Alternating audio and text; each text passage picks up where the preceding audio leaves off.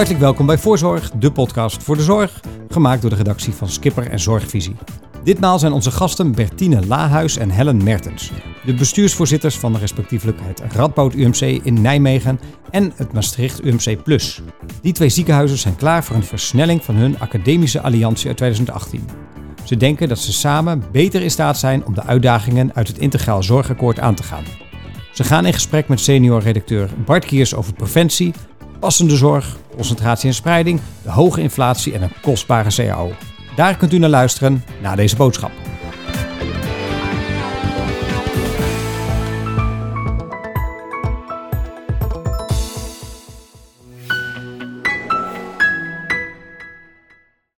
De zorg, waar aandacht voor mensen de drijfveer is. Maar wie zorgt er voor de mensen in de zorg? Voor balans tussen privé en praktijk?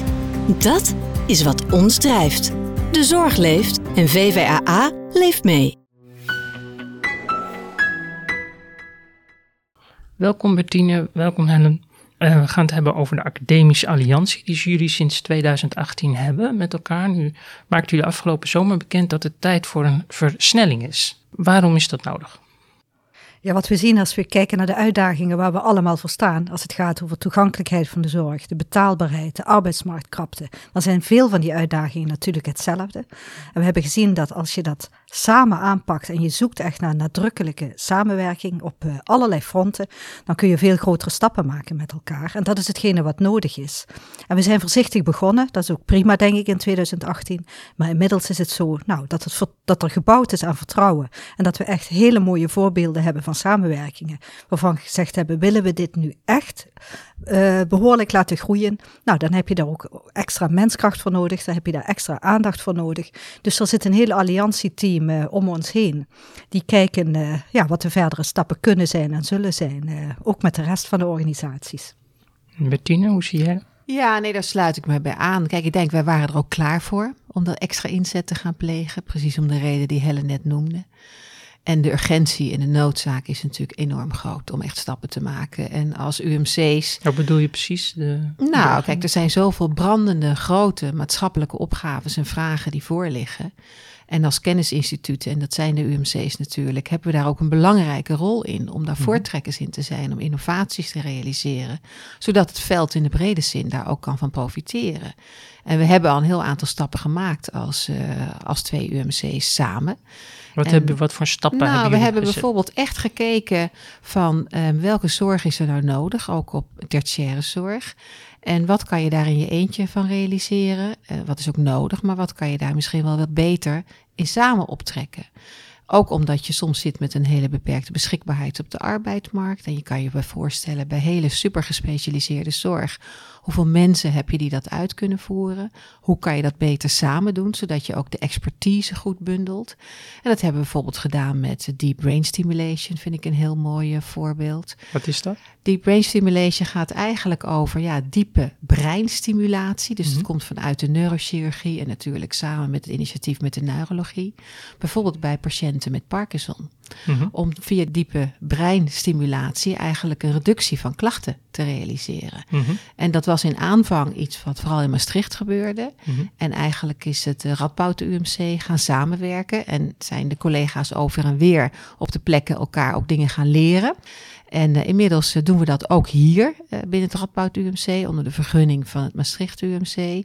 En we zien dat daar een belangrijke vraag ligt. En zo bundel je eigenlijk elkaars expertise, elkaars krachten. En zorg je ook dat die patiënten soms minder ver hoeven te reizen, maar dat ook die patiënten wel door beide UMC's door hetzelfde team ook besproken worden. Nou, zo zijn er meer initiatieven, met name ook rondom een aantal zeldzame ziektes, bijvoorbeeld genetica, doen we ook heel veel samen. Daar merkt de patiënt niks van aan de mhm. voorkant, welk huis die binnenloopt. Mhm. Maar aan de achterkant wordt de expertise gebundeld, wordt het verricht op de plek waar dat gebundeld kan worden. En wordt het gesprek met de patiënt weer gedaan op de plek waar de patiënt daar het meeste voordeel bij heeft. Dus zo maak je eigenlijk efficiënt gebruik van je infrastructuur. En je bundelt je expertise en je zorgt ook dat voldoende mensen voldoende blootgesteld worden aan bepaalde behandelingen die ze ook moeten verrichten. om ook dat goed qua kwaliteit en veiligheid uit te kunnen voeren. Nou, dat zijn denk ik hele mooie voorbeelden. En uh, in Nederland moeten we dat natuurlijk meer doen. En dan kom je eigenlijk meteen wel op dat integrale zorgakkoord, hè, wat Mhm. natuurlijk die maatschappelijke opgaves ook uh, heeft vertaald in wat er nodig is. Mhm. En concentratie en spreiding is daar een belangrijk onderwerp. Mhm. En eigenlijk zijn Maastricht UMC en Radboud UMC op een bepaalde wijze al een poos bezig met die concentratie en spreiding als het gaat over academische zorg. Mhm. Wat hebben jullie gedaan uh, op dat terrein? Ja, zoals uh, Bertine ook zegt, hè, het gaat over allerlei zorg. De Mhm. bedoeling is toch eigenlijk om te proberen die zorg ook zo dicht mogelijk te doen als dat kan. En wat Mhm. verder weg als dat moet. Maar het gaat natuurlijk niet alleen om zorg, het gaat om bundeling van kennis. Maar ook zeker het gebruik van dure infrastructuur. Nou, een mooi voorbeeld daarvan is de apotheek, maar ook de klinische genetica. De patiënt merkt niet of de bepalingen in Maastricht gebeuren of in Nijmegen gebeuren. Maar we hebben gezorgd voor ondubbeling. En wij werken langzaam toe ook naar één gezamenlijke afdeling met één gezamenlijke aansturing, om Mhm. het efficiënt te doen, zowel qua inzet van de mensen als ook qua de financiële inzet. Mhm. Maar er zijn allerlei andere voorbeelden, ook in de, in de hemofilie of de gynaecologische oncologie of noem maar op. Er, ja, eigenlijk is het een heel breed scala uh, van zorg in ons ziekenhuis uh, waar, of onderzoek waar uh, samenwerking gezocht is. Ik denk een mooi voorbeeld is ook uh, de schedelbasispathologie. En daar zie je eigenlijk dat als wij één persoon op twee locaties laten werken, in dit geval gaat het over een van onze hoogleraren, dat dat een enorm samenbindend effect heeft. Omdat Mhm. dat toch de teams ook samentrekt. Mhm. En dat hebben we op een aantal onderwerpen gedaan met elkaar. En dat is eigenlijk heel succesvol gebleken. En er is dan is altijd de vraag: wat is nou de succesfactor? Hè? Waarom Mhm. gaat dat? Ik denk dat we ehm, ver genoeg van elkaar zitten en dichtbij genoeg. Uh, en daarmee bedoel ik dat er um, voldoende ruimte is om die eigen identiteit van Maastricht en het Radboud UMC ook te behouden, Mhm. maar dichtbij genoeg om elkaar goed te kunnen vinden. En niet alleen dichtbij qua kilometers, maar ook dichtbij qua cultuur. We Mhm. hebben gemerkt in de afgelopen jaren, en dat is ook de reden dat we zeiden, nou, wij geloven ook in een versnelde doorstart, Mhm. dat onze mensen elkaar goed kunnen vinden. En dat Mhm. heeft ongetwijfeld ook iets met de cultuur in dit oostelijk-zuidelijk deel van Nederland te maken. En dat is wel belangrijk, Mhm. want het, it's all about people. Ja, ja, nee, dat, dat is. Is het nou denkbaar dat dat op een gegeven moment uitmondt in een fusie? Niks is ondenkbaar, maar dat Mhm. is niet de insteek. Mhm. Kijk, een fusie is iets wat heel veel tijd kost en Mhm. veel energie. En dat is eigenlijk helemaal geen doel. Hè? Een, een fusie is een middel om iets te bereiken. En wij denken op dit moment dat dat helemaal niet nodig is. Dat wij op een hele andere manier kunnen samenwerken en eigenlijk dat doel, wat Helen net ook aangaf, hè, dichtbij als het moet, of uh, dichtbij als het als zo in principe als uitgangspunt en ver weg als het moet en zoveel mogelijk het bundelen van onze schaarse arbeidsmarktkapitaal en onze infrastructuur. Ja, dat kan je op heel veel manieren, kan je daar al enorme stappen mee maken, zonder dat je hoeft te spreken over een fusie. Dus dat staat niet op de agenda nu. Fusie Nee. staat niet op de agenda. Mhm. Eigenlijk, wij eh, eh, geloven in maximaal samenwerken met elkaar, Mhm. maar we geloven ook in de kracht van zo'n UMC in de eigen regio. Met Mhm. alle netwerkverbindingen die je in de regio hebt, de coördinerende functie die je hebt, ook in het kader van kennisdeling, in het kader van zorg natuurlijk, maar ook opleiden bijvoorbeeld. En dan is die aanhaking in de eigen regio wel heel belangrijk. Mhm. Dus maximaal samenwerken, maar fusie is niet op de agenda. Als ik goed ben geïnformeerd, gaan jullie deze week ook naar het UMCG om daar te praten over strategische samenwerking. Zeker.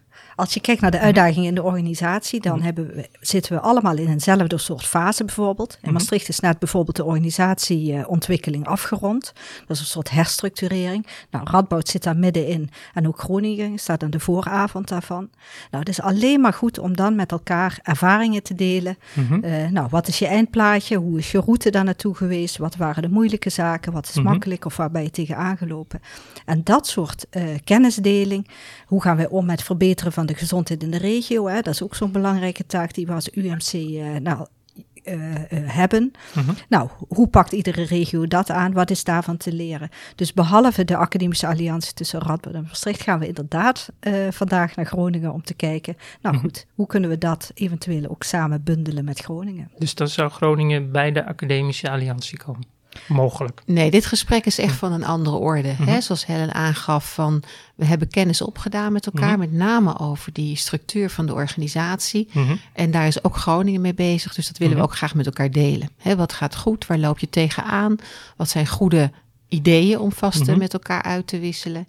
En sommige dingen kunnen we misschien ook beter doen met z'n drieën. Hè? Bijvoorbeeld schaarse arbeidsmarkt. Ik denk even aan een voorbeeld rondom eh, kinderradiologie. Mhm. Dat is een schaars goed kinderradiologe. Mhm. Dat is heel veel iets wat je 24-7 ook op afstand kan doen. Kunnen we daar iets over bedenken hoe we dat beter met elkaar doen? Ehm, de alliantie is echt iets tussen Maastricht en Nijmegen. Daar gaat het ook, eh, zeg maar, vanavond als we met elkaar eh, om tafel zitten niet over. Mhm. Maar wel over welke kennis kunnen we met elkaar delen. En overigens is dat ook tussen alle UMC's aan de orde. Ik denk dat het goed is om daar ook wel even bij stil te staan. Maar zie je niet twee soorten UMC's eigenlijk? De, de, de randstedelijke UMC's en de UMC's die in de provincie, in, in de regio staan, die toch een andere rol hebben. Waardoor het eigenlijk logisch is dat jullie die samenwerking zoeken. Een andere rol, en wat bedoel je daarmee? Nou, hoe kijk je? Nou, een, een, ehm, de randstedelijke UMC's kunnen wellicht meer hyperspecialisatie doen, omdat ze zo dicht bij elkaar liggen. De patiënten, eh, het maakt niet zoveel uit of je naar Amsterdam, Rotterdam of Utrecht gaat of eh, Leiden. Terwijl jullie, jullie liggen echt in de provincie, die hebben een, een andere rol. Of zien jullie dat, kijk, zien jullie dat niet zo? Nee, dat ik denk dat is eh, interessant dat je dat zo observeert. Als je kijkt naar wat de UMC's in Nederland doen, Mhm. dan zie je eigenlijk dat alle UMC's, grosso modo, 80% echt die tertiaire zorg doen. Mhm. En 20% basiszorg, waarvan je overigens je kan afvragen of dat echt de basiszorg zo is. Hè? Mhm. Maar in de administratieve eh, weg is dat zo. Daar is niet zo heel veel verschil tussen de UMC's. Mhm. Dus ook Maastricht UMC, maar daar kan Helen straks nog wel iets over zeggen, over de speciale positie daarvan. Maar zeker ook Radboud en in dit geval Groningen, hè, daar hadden we het net over. eh, zijn eigenlijk UMC's waar die specialisatie net zo geldt. Ehm, maar wel belangrijk is dus dat je met de verschillende UMC's ook weer de discussie hebt. En dat is ook een van de opdrachten die voor ligt. Over moeten alle zeven UMC's een bepaald specialisatie in huis hebben? Of kan dat bij twee, drie of vier UMC's? En is dat voldoende voor wat we nodig hebben in Nederland? Hè, Dat kan wel. Maar daar is niet een verdeling tussen de randstedelijke en de niet-randstedelijke UMC's. Mhm. Daarvoor is Nederland ook klein genoeg. Ja. Hè? Die afstanden zijn niet zo dat dat in de Randstad dichterbij zit. En dat dat onoverbrugbare afstanden zijn naar de oostkant van het land. Nee, maar het zijn wel behoorlijke afstanden. Hè? Als je voor kinderhartchirurgie vanuit Groningen naar, naar Rotterdam of Utrecht moet, dan kan het in acute situaties kan dat best. Zeker, maar als die concentratie bijdraagt aan eh, kwaliteitsverbetering Mhm. en ook voor een betere betaalbare zorg en betere toegankelijkheid van de Mhm. zorg, ben ik ervan overtuigd dat iedereen daar wel voor wil reizen. Mhm. Dat hebben we natuurlijk ook gezien bij de kinderoncologie, die in Utrecht geconcentreerd is. Ja, daar heeft niemand het over. Niemand wil dan in eigen ziekenhuis als daar die kwaliteitsstandaard anders is. Gaan we, komen we op de concentratie komen we zo terug. Ik wil even kijken naar dit, ehm, ehm, het integraal zorgakkoord. Hoe kijken jullie daar tegenaan? Wat voor een opgave biedt dat? Nou ja, we hebben natuurlijk als, als NFU, hè, hebben Mhm. we daar ook voor getekend. En hebben daar ook eh, hard voor aan tafel eh, gezeten, omdat we dat echt heel belangrijk vinden. Wij zien al die grote, urgente maatschappelijke opgaves waar we voor staan. En eh, dat betekent nogal niet wat. Dus wij zijn eigenlijk wel, hè, nogmaals, zo'n akkoord. Het is natuurlijk altijd een stukje geven en nemen. Maar wij denken dat er een aantal hele belangrijke dingen in staan. Voor het eerst is het een integraal zorgakkoord, echt met meerdere partijen. Het gaat wel alleen over de zorgverzekeringswet, maar desalniettemin. De gemeente is ook voor het eerst aan tafel geschoven.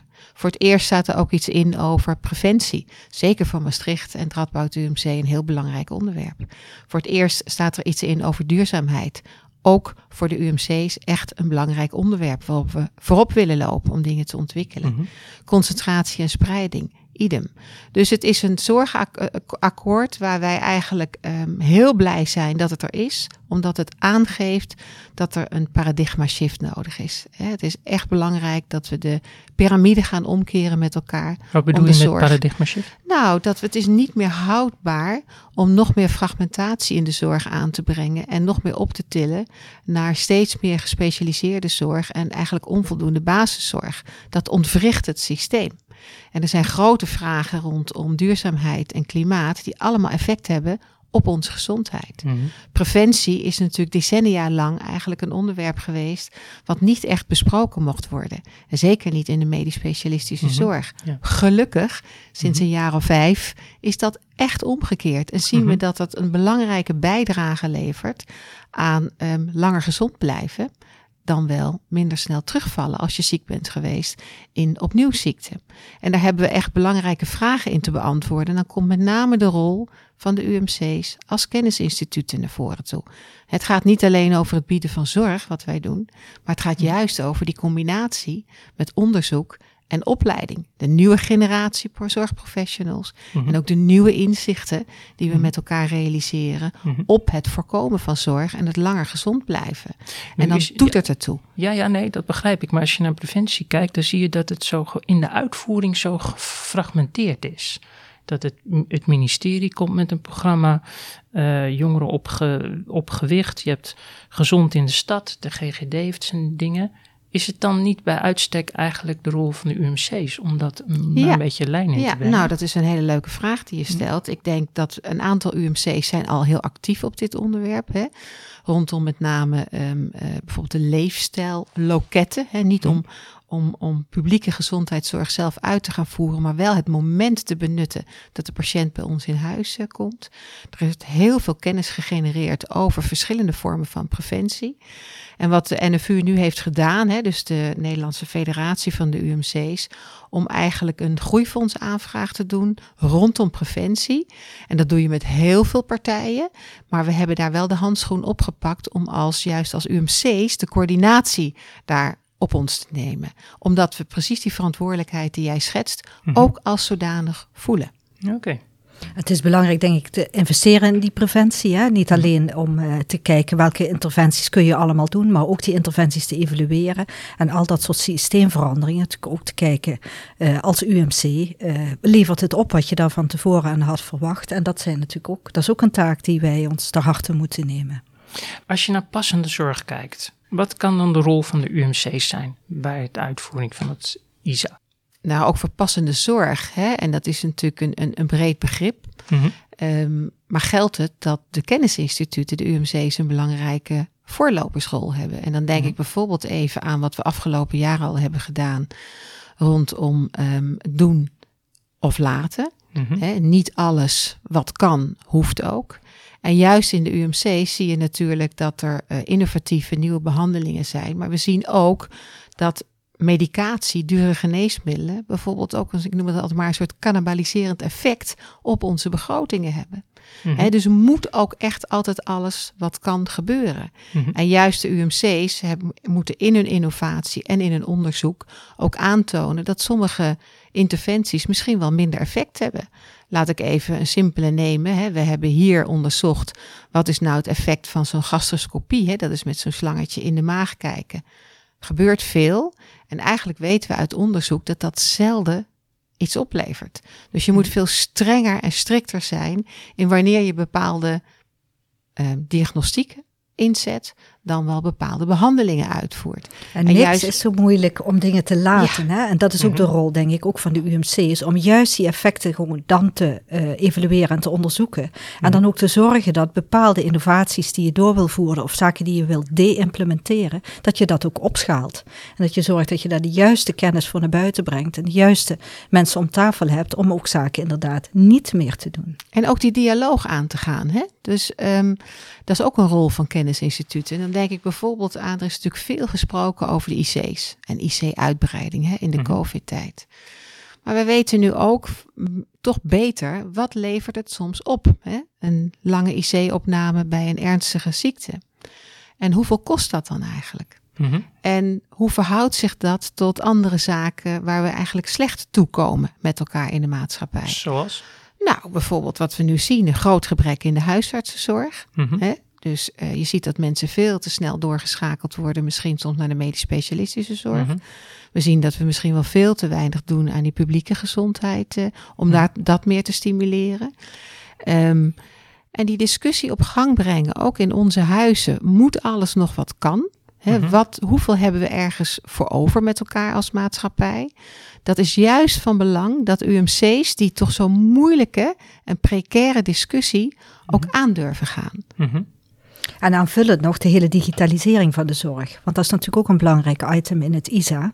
Waarin we kijken dat hè, de digitalisering kan ondersteunen. Waardoor we met dezelfde mensen en dezelfde middelen veel meer patiënten kunnen helpen. En veel meer inzetten op bijvoorbeeld chronische aandoeningen en begeleiding daarbij. Waardoor die mensen niet iedere keer eh, voor een consult naar de tweede lijn hoeven. En dat is natuurlijk ook een belangrijk hoofdstuk in dat ISA. Waar wij als UMC's eh, eh, eh, vooruitgang willen boeken. Overigens doen we dat altijd. Hè? We hadden het net al even over de rol van UMC in de regio. Mhm. Dat doe je eigenlijk altijd ook samen met je regiopartners. Hè? We hebben natuurlijk een aantal, zowel in de regio Maastricht als ook hier in de regio Nijmegen, natuurlijk een aantal hele grote algemene ziekenhuizen. Waar gewoon heel veel patiënten komen met wat ik dan maar even noem volksziekten. En dat is natuurlijk ongelooflijk van belang dat we daar goed onderzoek op doen. En ook kijken wat er aan preventie en aan digitalisering mogelijk is. Waarbij je gebruik maakt van onderzoek en opleiding en de infrastructuur van UMC's. Maar dat nooit zonder je partner ziekenhuizen en ook vaak met de huisartsen eh, dat kan doen. Dat is denk ik wel belangrijk om te benoemen. Dat is niet iets wat alleen maar beperkt is tot de UMC's, maar je doet het met elkaar. Mhm. Maar laten we nou er wel voor zorgen in Nederland dat we niet in ieder ziekenhuis een uitgebreide infrastructuur gaan ontwikkelen. Want dat is ongelooflijk duur. En dat is nou niet echt het optimaal gebruik maken van infrastructuur en daarmee ook van eh, je middelen die je daarop hebt ingezet. Maar het betekent ook dat de UMC's wel de verantwoordelijkheid hebben om dat ook met elkaar te doen in de regio. Nou, dat gebeurt in Maastricht en dat gebeurt ook hier en dat gebeurt ook bij de andere UMC's. Ik wil even een uitstapje maken naar de financiën. Je had het over de cannabiliserende Effecten, Eh, van die effecten. dure geneesmiddelen, ja. ja, ja. En dan heb je, maar je hebt daarnaast ook nog eens eh, wat omstandigheden. De inflatie is erg Ja. hoog. Jullie hebben een CAO waarin afgesproken is dat de inflatie volledig Ja, de financiële uitdagingen nu zijn immens natuurlijk. Ja. En met die hele CAO-onderhandelingen. met het en dat in een krappe arbeidsmarkt. Maar ook met eh, uitbreiding van steeds meer hoogtechnologische mogelijkheden. Mhm. Hè, met allerlei verbeteringen in de zorg wordt het zeker in het begin niet eerst goedkoper. Hè. Mhm. Vaak komen zaken er in het begin alleen maar bij. Mhm. Dus dat zijn wel allemaal eh, de energieprijzen, de crisis waar we, waar we met z'n allen in zitten. Nou, dat maken de uitdagingen ook voor het financiële stuk voor de UMC's, maar ook van alle andere ziekenhuizen en alle andere ondernemingen natuurlijk toch wel immens. Ja, en daar zei BDO zegt al een paar jaar van, god, die marge van die UMC's maken wordt elk jaar kleiner. Vorig jaar waarschuwde accountantskantoor BDO ook van, nou, die regierol van UMC's kan daar zelfs door eh, in gevaar komen. Nu zijn we eh, de uitdagingen nog veel groter. Dus dan vraag ik me af, zijn die financiële afspraken in de ISA, ehm, hoe, houdbaar is dat? Kom je daarmee ik denk uit? als je het eh, eh, advies krijgt van de Wetenschappelijke Raad voor Regeringsbeleid, dan zag je al dat nog los van de crisis, hoe enorm eh, de zorgkosten toenemen hè, als je blijft doen wat je deed. Nou, dat is en niet meer betaalbaar, maar daar hebben we ook de mensen niet meer voor. En daarbij komen nog eens een keer die energiecrisis eh, waar we het net over hadden. Dus dat maakt dat je, nou, die urgentie alleen maar groter geworden is. Maar dat maakt ook dat we echt moeten kijken. Nou, dan zijn zo'n hoofdstukken als concentratie bijvoorbeeld wel belangrijk. Dat je dure infrastructuur maar één keer gebruikt. Dat je kijkt dat je je echt hoogopgeleide mensen zoveel mogelijk laat doen. En dat moet dan helaas vaak op één of op twee plekken. Kijk, die BDO-waarschuwing die is denk ik heel terecht. Mhm. En eh, dat is ook echt wel een probleem wat ehm, natuurlijk iedereen treft het. Hè? Iedere burger en iedere zorgorganisatie dat het een lastige tijd is. Eh, tegelijkertijd geeft dat meer urgentie op de vraagstukken dat dus niet alles meer kan. Wat, of wat dat we niet meer alles zouden moeten doen, wat misschien wel kan.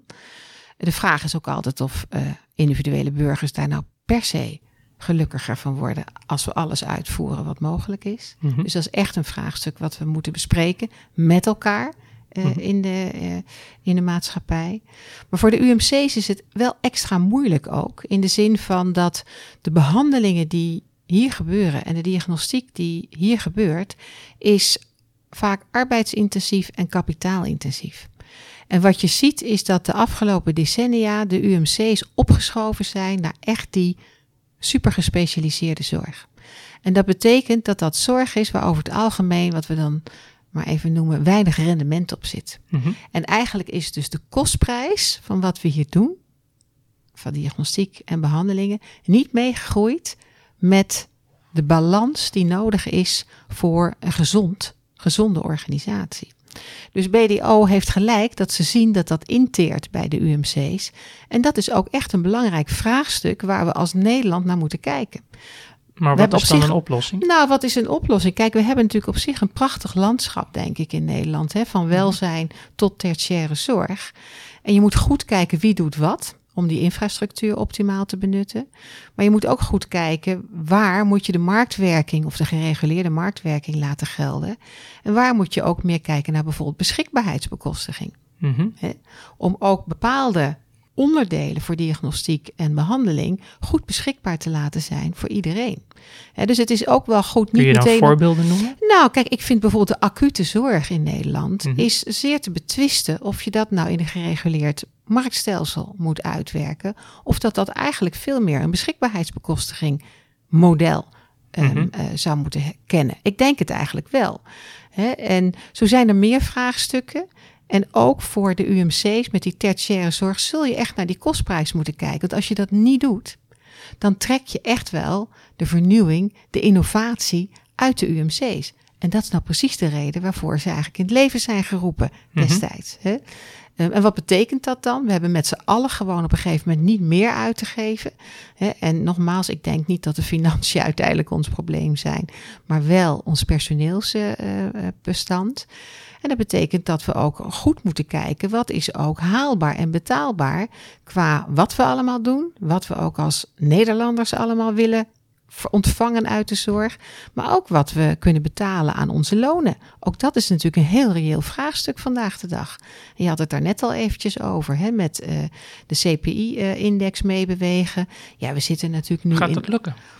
Nee, dat kan natuurlijk niet. Eh, laten we heel eerlijk zijn. We zitten in omstandigheden met zulke enorme kosten. En Helen Mhm. noemde er net al een Mhm. aantal van. Dat we daar echt het goede gesprek met elkaar over moeten voeren. Wat kan wel en wat kan niet. En wij hebben natuurlijk als werkgevers een enorme belangrijke zorg voor onze werknemers. Mhm. Daar staan we ook voor. Daar willen Mhm. we goed voor zorgen in alle opzichten. En we hebben gezegd, we vinden met name koopkracht voor onze werknemers ook ongelooflijk van belang. En dat is natuurlijk best een, een, een ingewikkeld vraagstuk. Hè, van wat gaat de overheid ook nog aan steun bieden voor onze burgers en daarmee ook voor onze werknemers? En wat betekent dat ook voor ons ook als werkgevers? Hm. En dat moet iets zijn waar onze werknemers voldoende mee uit de voeten kunnen voor hun koopkracht. En wij als werkgevers ook een fatsoenlijk bedrijf mee kunnen laten voortbestaan. Mhm. Want anders moet je daar weer maatregelen nemen die ook niet in het belang zijn van onze werknemers. Dus dat is een spannende balans. En nou ja, dat gesprek loopt. En eh, nou, Wie, wie praat er dan dan? nou, dat betekent dat we een aantal mensen vanuit de UMC's hebben die dat gesprek voeren met de vakbonden. Mhm. En eh, we hebben daar goede hoop op dat dat een, natuurlijk een heel fatsoenlijk gesprek is, omdat dat in het belang van ons allemaal is, Mhm. van werknemers en werkgevers Ja. en bonden. Mhm. Ja. Even naar de concentratie terug. Terug naar de concentratie. Als je naar de concentratie van de acute zorg kijkt, wat denken jullie dan wat er gaat gebeuren? Wat zou voor nou verstandig zijn de komende jaren? Ja, de eerstvolgende stap, eh, eh, ook eh, als vervolg op het ISA, is dat er regiobeelden komen. Dat er wordt geïnventariseerd hoe lopen die acute stromen nou? Eh, waar, is die hè, waar, waar melden mensen zich, maar waar zijn ook mensen beschikbaar als het gaat om zorgprofessionals of infrastructuur? En op basis van die regiobeelden zul je in ieder geval met elkaar in de regio de dialoog aan moeten. Wat is dan verstandig? Wat moet 24-7? Wat moet op alle plekken eventueel open blijven of opengemaakt worden? Maar wat hoeft misschien ook niet op een aantal plekken? Om op die moment die arbeidsmarktkrapte voor te zijn. En wat betekent dat concreet dan voor, voor algemene ziekenhuizen? Betekent dat dat ze s'nachts de SCH dichtgaat of zo? Of dat je dat samen doet? Met ja, dat is geen algemene mate op te geven, denk ik. Mhm. Hè? Vandaar dat het juist zo belangrijk is dat er in iedere regio zo'n UMC ook meekijkt op die regiobeelden, samen met de zorgverzekeraars en alle andere Mhm. partners in zo'n regio. Maar ehm, op die manier zul je moeten kijken hoe doen we dat met die stromen? En waar gaan die patiënten naartoe? En hoe gaat het met toegankelijkheid? Hoe is het met ambulancevervoer? Nou, dat zijn allemaal eh, zaken die uitgezocht moeten worden. Kijk, ik denk ook dat we niet moeten onderschatten dat de afgelopen jaren is al heel veel gebeurd. Hè? Er is natuurlijk al een soort differentiatie gekomen, eh, 24-7, als er acute zorg is, waar wat naartoe gaat. Het is niet zo dat we van scratch on moeten beginnen. Dus dat Mhm. als eerste. Het tweede is dat ehm, zeker ook voor kleinere algemene ziekenhuizen dit natuurlijk een ontzettend spannend dossier is. Mhm. En dat snap ik ook heel goed. En daarom is het ook goed om eerst die feiten goed te verzamelen. Waar hebben we het over? Mhm. En als er, en dat zal vooral een arbeidsmarktvraagstuk zijn, als er verschuivingen plaats moeten vinden, hoe doen we dat dan? En we hebben er allemaal belang bij dat ook die kleinere regionale ziekenhuizen hun rol goed kunnen blijven spelen. Dat is voor de burgers in Nederland in die gebieden heel erg van belang dat dat laagdrempelig toegankelijk blijft. En dat moet dus ook betaalbaar en haalbaar blijven. Ook qua acute zorg bedoel je? Nou, dan is de vraag welke acute zorg moet daar gewoon blijven komen Mhm. en wat moet daar misschien nog meer gedifferentieerd worden dan nu. Maar nogmaals, daar is al heel erg veel gebeurd, maar daar kan nog wel een slag gemaakt worden. En als je bijvoorbeeld kijkt naar die cijfers van de landelijke traumacentra, hè, dan is ooit afgesproken op basis van goede gronden dat 90% van die ernstige trauma's ook direct in een, in een echt groot traumacentrum terecht moet komen, dat we dat nog niet halen met elkaar. Mhm. Dus die eerdere afspraken, daar zijn we nog niet. En daar wordt nu denk ik hard aan gewerkt. En dat gaat misschien niet over grote getallen, maar wel voldoende groot om daar echt werk van met, van, met elkaar van te maken. Nou, dat is al iets. En dat is die eerste triage die gebeurt eigenlijk aan de telefoon en in de ambulance. Daar valt echt een verbeterslag op te maken. En tegelijkertijd, kijk, als het gaat over enkelbreuken of heupfracturen, hè, eigenlijk, ik noem dat relatief eenvoudige acute zorg, want zo Mhm. voelt dat natuurlijk voor de burger zeker, dan is het heel erg van belang dat dat gewoon in de algemene ziekenhuizen ook kan blijven. Mhm. Dan wel dat dat na een korte screening ook heel snel teruggaat naar deze algemene ziekenhuizen. Dus het is van belang om daar een, een eerlijk, feitelijk en ook met het oog voor een ieder eh, gesprek over te hebben met elkaar. En dat betekent dat die regiobeelden van belang zijn. Dat we goed moeten kijken wat is er eigenlijk nog niet goed geregeld, wat er wel goed geregeld zou moeten worden. En als je al besluit tot misschien een selectieve openingstijd in Mhm. bepaalde huizen, dan moet je heel goed weten wat de consequenties daarvan zijn voor deze huizen. En als je dat belang van die, het openhouden van die huizen groot acht, wat denk ik in het merendeel van de gevallen zo is, dan zul je heel goed moeten kijken wat daarvoor nodig is. Kijk, even UMC's hebben vooral belang en de expertise voor die complexe acute zorg en traumata.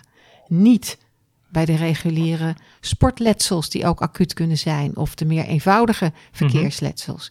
Dus het is niet zo, hè, wat wel eens gedacht wordt, dat de grotere STZ-ziekenhuizen of UMC's ook belang hebben bij alle acute zorg. Hè, die Mhm. angst wordt wel eens uitgesproken door de kleinere huizen. Dat is niet zo. Maar dus ik heb echt wel, we hebben ook als NFU, we denken dat er echt een slag gemaakt moet worden in die acute zorg. Dat niet meer alles altijd overal wellicht kan. Maar dat er veel oog moet zijn voor het belang van met name ook die regionale zorg. Als je nu heel, heel concreet kijkt, in Nijmegen heb je het Canisius Wilhelmina ziekenhuis en het Radboud UMC. Die SCH's liggen op 4,5 kilometer van elkaar ongeveer.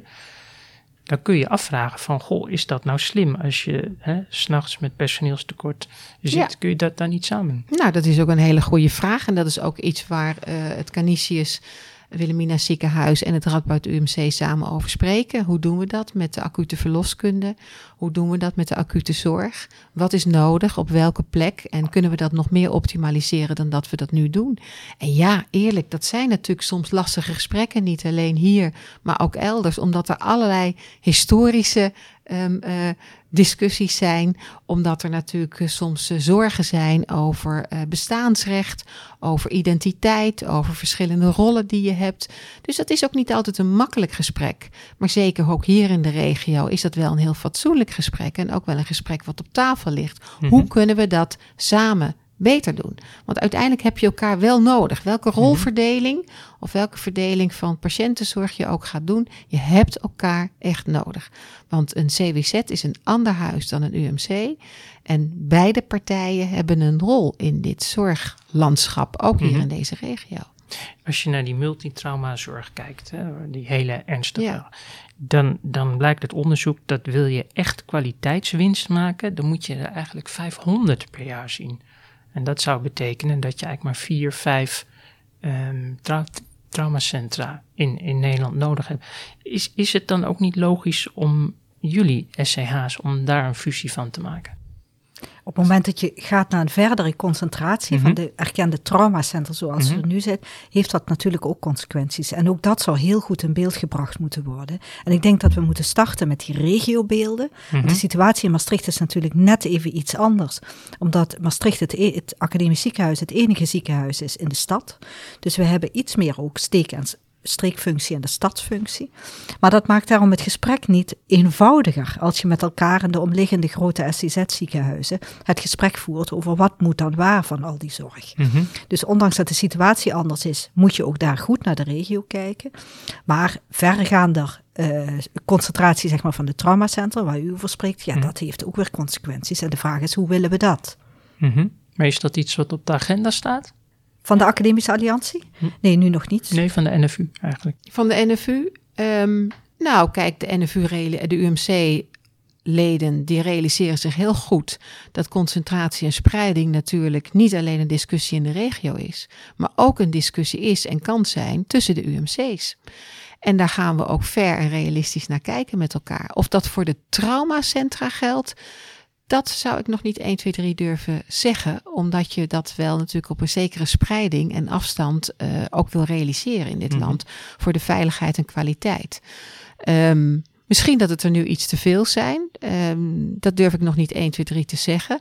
Wat we wel zien, we hebben hier in de regio Nijmegen echt een heel mooi, denk ik, onderzoek gedaan in de regio met alle ziekenhuizen bij elkaar.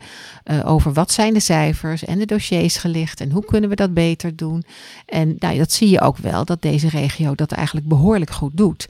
En toch al bijna aan die 90% zit. En ook behoorlijk tegen die uh, 400, 500 um, uh, um, trauma's, eh, trauma's uh, aan zit. Dus dan kom je wel aardig in de richting in wat jij aangeeft. Dus nee, de, kijk, de UMC's gaan niet weglopen voor lastige discussies. En we hebben natuurlijk nu al een lastige discussie rondom de kinderhartchirurgie. Hij ligt op de drempel, dus laat ik hem maar benoemen. En dat is geen makkelijk gesprek geweest. en het is nog steeds niet een makkelijk gesprek. En dat is ook niet allemaal goed gegaan. Dat hebben we ook met elkaar onder ogen gezien. Um, dat we dat graag anders hadden uh, willen voeren, dat gesprek. Um, maar nu zitten we met elkaar goed om tafel. De NZA heeft een behoorlijke impactanalyse gemaakt. En uh, de minister zal daar uh, binnen afzienbare tijd ook een besluit over gaan nemen. Um, en dat zijn lastige discussies, dat realiseren we ons goed. Maar mm -hmm. ook UMC's zullen aan tafel moeten om te kijken wat is echt nodig voor een, een goed en toekomstig bestendig landschap.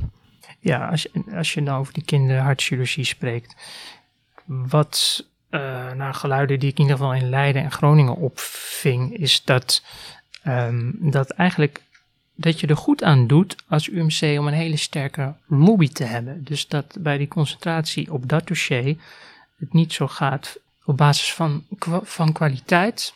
Maar zij hebben de indruk dat de keuze gevallen op basis van lobbykracht eigenlijk. Nou, misschien is het daarom wel juist goed dat de NZA daar nu een rol gekregen heeft. Want bij die besluitvorming is het wel van belang dat de volledige impact van bepaalde keuzes wel duidelijk is. Mhm. Want je kunt wel een afdeling uh, uit een UMC snijden, maar dat heeft onmiddellijk impact op het bestaansrecht van bijvoorbeeld de kinder-IC of uh, nou, andere afdelingen. En die impact is met dat impactrapport van de NZA goed in beeld gekomen. En dan gaat het ook echt over de, over de harde cijfers. En wat betekent het voor een regio? Wat betekent het voor een ziekenhuis? Wat betekent het voor de patiënten? Hoe zitten de patiëntenfederaties erin?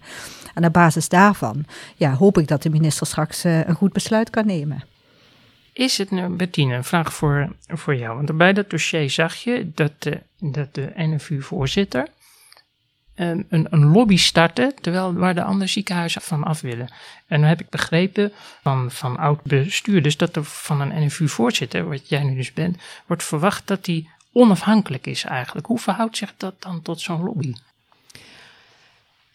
Um, als NFU-voorzitter um, is het misschien voor mij wat makkelijker. De kinderhartchirurgie is er niet meer in mhm. Nijmegen. Althans, niet de, het interventiecentrum. Wij hebben al sinds uh, jaren een hele goede samenwerking met Rotterdam. En daar zijn we eigenlijk heel tevreden mee. Maar ook hier heeft dat destijds pijn gedaan hè, om dat mm af te staan.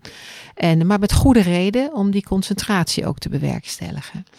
Terug naar jouw vraag. Ja, als NFU-voorzitter heb je een neutrale rol te spelen. Mhm. En dit is eigenlijk in die zin een, een dossier wat maar deels op de tafel van de NFU ligt. Mhm. Omdat er in ieder geval twee NFU-huizen, zijn de Maastricht en Nijmegen, hier vandaag aan tafel, eigenlijk een andere positie en rol hebben dan mhm. de andere huizen. Uh, maar je hebt natuurlijk soms een dubbelrol. Hè? Dan heb je een rol als NFU-voorzitter en je hebt soms een rol als UMC-voorzitter. Mm En in algemene zin is het belangrijk om die rollen ook zichtbaar te scheiden. Mm, En dat is natuurlijk soms lastig. Mhm. En dan moet dat ook op tafel liggen binnen de NFU. Ja, ja. Correct. Ja. Als we nu tot slot, als we dan naar de toekomst kijken. De NZA komt begin december waarschijnlijk met die impactanalyse. De minister gaat een besluit nemen. Dan neemt hij, hij neemt altijd een besluit waar... Het gaat ergens pijn doen, natuurlijk. Gaat, ja. Gaan, gaan we dan hetzelfde weer zien? Dat de UMC's elkaar in de haren vliegen? Of, of ehm, nou kijk, wij kunnen niet op de, op de zaken vooruitlopen. Nee. Hè? Maar uh, we zullen vanuit NFU en um, uh, ook in mijn persoon zal er echt um, haar best voor doen ja. om te zorgen dat we dat gesprek op een goede, fatsoenlijke wijze voeren. En als het pijn doet, dat we dat dan in gesprek brengen om te kijken wat dat dan betekent voor andere keuzes die gemaakt moeten worden in de komende jaren. Waar doe je dan op? Nou, kijk, er zal misschien wel meer concentratie en spreiding um, uh, gerealiseerd moeten worden. Wat betekent dat dan voor de verschillende huizen? Wat moet misschien waar op welke plek plaatsvinden? Wat is daar een goede verdeling in? Daar moeten we met elkaar naar kijken. En wij hier aan tafel, ik kan natuurlijk niet beoordelen en ga ook niet over wat individuele huizen straks voor uiting zullen geven aan een keuze die gemaakt wordt door de minister. Maar we kunnen wel zeggen dat alle UMC's ook de verantwoordelijkheid voelen om dat gesprek op een goede en zuivere manier te voeren. En dat kan overigens ook zijn als je het ergens niet mee eens bent. Mhm. Oké, is, is er bij die samenwerking die jullie als UMC's ehm, doen, ehm, gaat dat nog breder? In 2018 is de samenwerking getekend door de UMC's. Mhm. Toen uh, waren de UMC's zeg maar initiatiefnemer uh, daarvan. Maar wat we nu zien is dat die meerwaarde ook breder gezien wordt. Mhm. En heel recent hebben ook de Universiteit Maastricht en de Radboud Universiteit ook elkaar opgezocht en zijn ook met elkaar in gesprek voor samenwerking. En ook daar zie je dat we die verbreding ja, gaat ons ook weer helpen als UMC om ook daar weer de volgende stappen te zetten. En juist, hè, met die, want dan gaat het ook over andere faculteiten, mhm. hè, die ook met elkaar gaan samenwerken. En juist op die kruispunten um, gaan we mooie dingen uh, ontwikkelen en innovaties. En dat zien we nu al hè, tussen de geneeskundefaculteit en bijvoorbeeld de sociale faculteit. Um, daar ontstaan belangrijke elementen die ook voor toekomstige vraagstukken en voor huidige vraagstukken al bijdragen tot oplossingen. En zo zie je eigenlijk ook wel een beetje de vierhoek ontstaan. Niet alleen tussen de Universiteit van Maastricht en de Universiteit van uh, Nijmegen, het Radboud uh, Universiteit en dus de beide UMC's. Maar ook de samenwerkingen bijvoorbeeld met de Twente Universiteit en de Eindhoven Universiteit, waar zowel Maastricht een aantal relaties mee heeft als ook het Radboud. En uh, juist die, die cross, crosslinks, noem ik ze maar even, die mhm. kruispunten, ja, ja. daarop zien we eigenlijk dat die belangrijke innovaties ontstaan mhm. om die vraagstukken die er zijn naar de toekomst toe ook op te lossen. Dus wij zijn eigenlijk ongelooflijk gelukkig dat ook de bredere universiteiten elkaar ook hebben gevonden. Ja. Hartelijk dank voor het gesprek. Graag gedaan. Tot zover deze aflevering van Voorzorg. We danken Bram Brouwers voor de muziek, Ties Stimmers voor de montage en natuurlijk onze gasten Bertine Lahuis en Helen Mertens. Wilt u vaker naar deze podcast luisteren? Dan is het verstandig om u te abonneren.